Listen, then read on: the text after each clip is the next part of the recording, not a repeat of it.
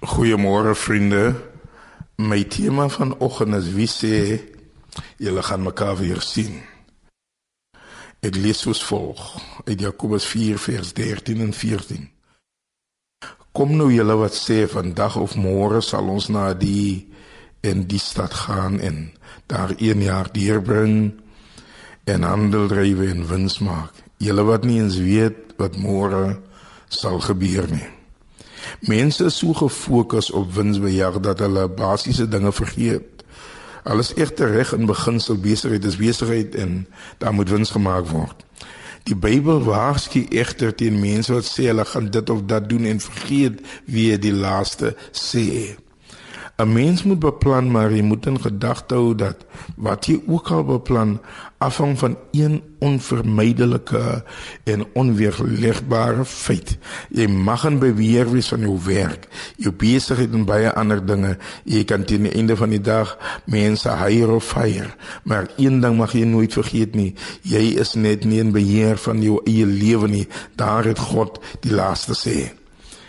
Dit is verbasend hoe iemand 'n absolute in besigheid kan wees en absoluut lomp in menseverhoudings. Jy kry mense hulle hulle beheer soos die Engelsman sê multi-million rand industries per dag, maar kan hulle nie hulle eie huise beheer so waar begin 'n mens? Dit is so belangrik dat 'n mens reg uit jou huis uitgaan omdat jy nie weet of jy gaan terugkom nie. Dit moet tragies wees as jy en jou vrou gestry het oor een of ander onbenulligheid en nie weer mekaar te sien nie.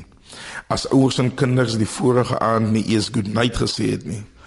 As ons opstaan sonder om vir mekaar môre te sê, as ons die huis verlaat sonder om mekaar eens te groet, wie sê jy gaan weer jou vrou en kinders sien meneer? Wie sê jy gaan weer jou man en kinders sien mevrou? Kinders, wie sê hulle gaan weer julle ouers sien? Die lewe is eenvoudig te onvoorspelbaar om so te waag. Dit is so belangrik as u nou by die werk instap om jou kollegas vriendelik te groet en 'n positiewe wegtrek vir jou dag te verseker.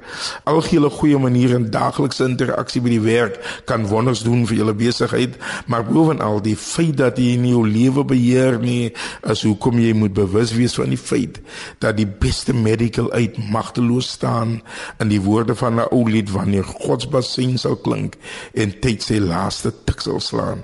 Wie sê julle gaan mekaar weer sien kom ons bid. Here ek bid dat mans en vrouens nou hulle dier smartphones sal gebruik om mekaar te bel en ten minste te sê ek is jammer en jammer dat ek nie gegroet het nie die Here sien.